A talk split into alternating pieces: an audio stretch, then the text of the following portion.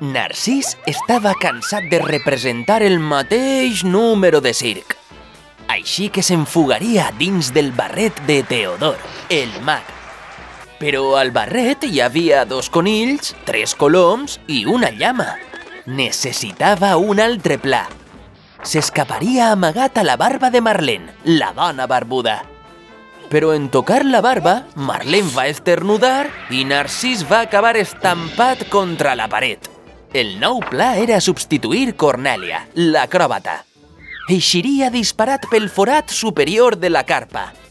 Però les seues potes van començar a tremolar i l'elefant va caure desmaiat. Al remat, quan el vigilant dormia, va aconseguir arrabassar-li la clau amb la trompa.